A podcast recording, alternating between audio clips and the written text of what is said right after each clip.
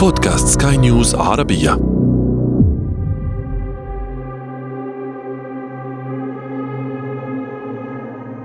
في خضم الحرب في أوكرانيا خرج تصريح لافت من الرئيس الفرنسي إيمانويل ماكرون يقول فيه إننا نريد هزيمة روسيا لكننا لا نرغب في سحقها. طبعا التصريح كان مستفزا جدا للجانب الروسي. لكن وبالبرود الروسي المعهود خرجت المتحدثة باسم الخارجية الروسية ماريا زاخاروفا متأنقة كعادتها ودعت الرئيس الفرنسي لأن يتذكر ما حل بنابليون بونابرت العظيم بحسب وصفها قبل أن يتحدث عن روسيا. وفي الحقيقة أن أي قارئ للتاريخ سيجد ذلك الموضوع جذابا جدا. ملاسنة روسية فرنسية على شرف نابليون. ماذا فعلت روسيا لنابليون؟ ولماذا اختارت المتحدثة الروسية نابليون تحديدا لتضرب به مثالا للرئيس الفرنسي؟ والحكاية كانت بالفعل تستحق القراءة. هذا أنا عمرو جميل أحييكم وأنتم تستمعون إلى بودكاست بداية الحكاية بداية الحكاية بداية الحكاية في عام 1812 وفي خضم الحروب النابليونية قرر نابليون بونابرت غزو روسيا لضمها إلى إمبراطوريته. كانت فرنسا قد تحولت إلى إمبراطورية في عام 1804 سيطرت على إيطاليا وأجزاء من ألمانيا والنمسا وبلجيكا وامتدت حتى روسيا. لكن مع رجل بطموح نابليون لم يكن كل ذلك كافيا. كان بونابرت يرغب في ضم روسيا إلى إمبراطوريته الأوروبية ليصبح هو إمبراطور أوروبا الأوحد برغم أنه كان رجل أوروبا الأقوى في ذلك الوقت بالفعل. وعندما حقق بونابرت انتصاره في عام 1805 على القوات الروسية والنمساوية في معركة تعرف باسم معركة أوسترليتز شجعه ذلك أكثر على قراره بغزو روسيا. حتى ذلك الوقت كان نابليون قد أخضع فعلا معظم القوى الكبرى باستثناء بريطانيا بفضل تفوقها البحري. وكان نابليون يعلم أن قدراته البحرية لا تمكنه من كسر شوكة الإنجليز. لذلك قرر أن يغير تكتيكه العسكري وأن يستخدم نقطة قوة الإنجليز كنقطة ضعف. فبدلا من خوض معركة بحرية للوصول إلى الجزيرة البريطانية المعزولة قرر أن يفرض عليهم حصارا بحريا. وفعلا في عام 1806 أعلن نابليون حصارا يمنع فيه التعامل مع بريطانيا ويغلق فيه الموانئ الأوروبية أمام تجارتها. فرض نابليون كلمته على الجميع حتى القيصر الروسي ألكسندر الأول الذي كان يعلم أن قوته لا تسمح له بمواجهة نابليون. فوافق على مضض على التوقيع على اتفاق مع فرنسا تشارك فيه روسيا في حصار بريطانيا. والحقيقة أن القيصر الروسي كان يشعر بالألم من هذه الاتفاقية.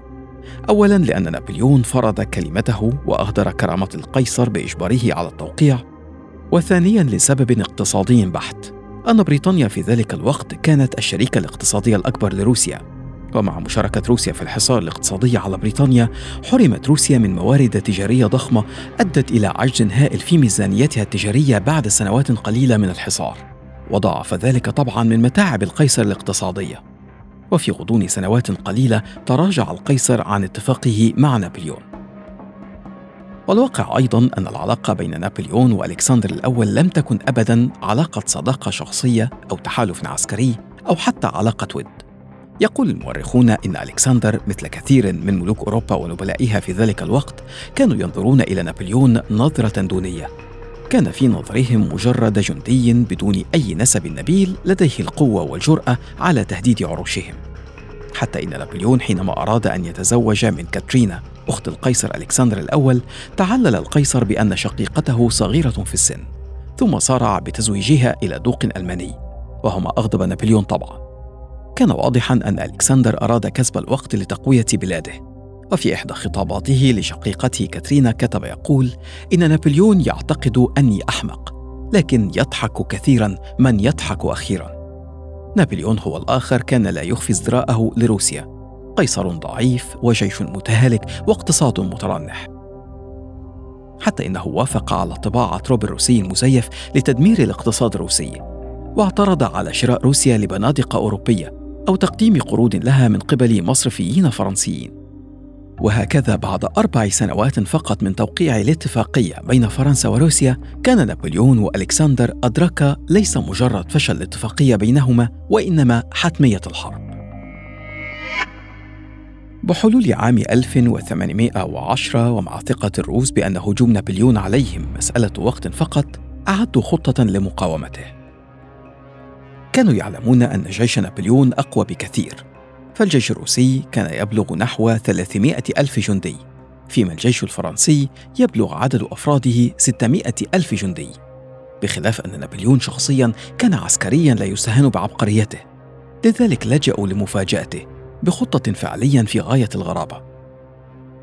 انسحب الروس من كل الأراضي السهلة أمام الجيش الفرنسي لكن بعد استخدام سياسة الأرض المحروقة أحرقوا كل ما يمكن أن يؤكل أو يستخدم.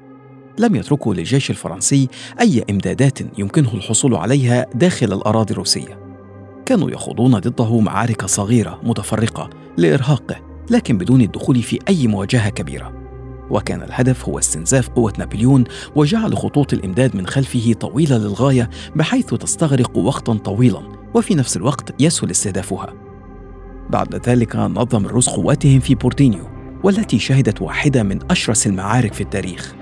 قتل فيها 44 ألف روسي ونحو 35 ألف فرنسي. ومع أن نابليون انتصر في هذه المعركة لكنه وصفها بأنها كانت أسوأ معركة في حياته. ومع أن شوكة الروس لم تكن قد كسرت بالكامل لكن ما فعله الروس فيما بعد كان هو العجيب فعلا. انسحبوا تماما أخلوا كل المناطق وتركوا العاصمة موسكو مفتوحة. وجد نابليون نفسه يدخل موسكو بدون رصاصة واحدة.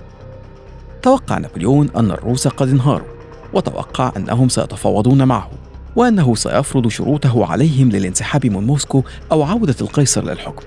لكن الروس تركوه لم يتفاوضوا ولم يعلنوا أيضا الاستسلام. هنا أدرك نابليون أن ما اعتقده حلما بالدخول إلى موسكو كان كابوسا مريرا. اضطربت الأوضاع ورفض الروس التعاون مع الفرنسيين وكانت خطوط الإمداد من فرنسا إلى قوات نابليون في موسكو طويلة جدا. ومع دخول الشتاء وعدم اعتياد الفرنسيين على برد روسيا أصبح من المستحيل البقاء في موسكو. وأدرك نابليون أن عليه الانسحاب. كان ذلك مجرد البداية. فمع انسحاب الفرنسيين كان الشتاء قد هجم بالفعل بعواصفه الثلجية. ومع سياسة الأرض المحروقة التي اتبعها الروس من البداية لم يجد الفرنسيون حرفيا حشيشا في الأرض ليأكلوه. كما لم يكن معهم أي ملابس أو أحذية تناسب صقيع روسيا الذي كان يصل لثلاثين درجة تحت الصفر. تساقط الجنود الفرنسيون ومن بين 600 إلى 650 ألف جندي ذهبوا مع نابليون لغزو روسيا مات نحو 550 ألفاً. كتب نابليون حينها يقول إنه هزم في روسيا أمام الشتاء. أما القيصر ألكسندر الأول فأعاد جملته الشهيرة من يضحك أخيرا يضحك كثيرا.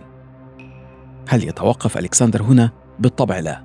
كتب إلى بقية ملوك أوروبا بأنه الوقت المناسب للتخلص من نابليون. وفعلا في أكتوبر 1813 انضمت بروسيا ألمانيا حاليا والنمسا وبريطانيا إلى روسيا في تحالف عسكري شن حربا ضد نابليون. وأوقعوا به هزيمة حاسمة في معركة شهيرة تعرف بمعركة الأمم في ألمانيا. واضطر بعدها نابليون للانسحاب إلى فرنسا للدفاع عن باريس. هل يكتفي الأوروبيون؟ مرة أخرى لا. طردوه حتى باريس ودخلوها فعلا في الحادي والثلاثين من مارس 1814 لكنهم لم يدمروا المدينة. كما رفضوا التفاوض مع نابليون ودعوا الفرنسيين لاختيار حكومة جديدة. وأدرك الفرنسيون أن عليهم الاختيار بين نابليون أو بلادهم. فأعلن مجلس الشيوخ الفرنسي خلع نابليون في الثاني من أبريل 1814 وهكذا من قيصر مهدد يأمره نابليون فيستجيب لقيصر منتصر دخل إلى عاصمة عدوه وعزله عن السلطة. ومع أن ألكسندر كان يكره أسرة البوربون التي تسلمت السلطة بعد نابليون لكنه وافق على استعادتهم الحكم بعد أن فرض ميثاقا دستوريا على الحاكم الجديد لويس الثامن عشر. والأكثر أن ألكسندر لم يسعى لاستغلال وضع فرنسا كدولة مهزومة وكان دائما يكرر بأنه شن الحرب ضد نابليون وليس ضد الشعب الفرنسي. غريبة هي وقائع التاريخ. فنابليون الإمبراطور نابليون. غزا روسيا ليصبح هو إمبراطور أوروبا الأوحد. فانتهى به المطاف معزولا على يد قيصر روسيا. وروسيا التي بدلت طوال تاريخها الكراهية مع بريطانيا التي قدمت عنها حلقة خاصة من قبل كانت في يوم من الأيام حليفة تقاتل إلى جانب بريطانيا وإلى جانب ألمانيا ضد فرنسا. وألمانيا هتلر التي غزت فرنسا تقف الآن مع فرنسا وبريطانيا ضد روسيا. وربما يكون أفضل معبر عن ذلك ما قاله تشرشل. في السياسة ليس هناك عدو دائم أو صديق دائم فقط مصالح دائمة.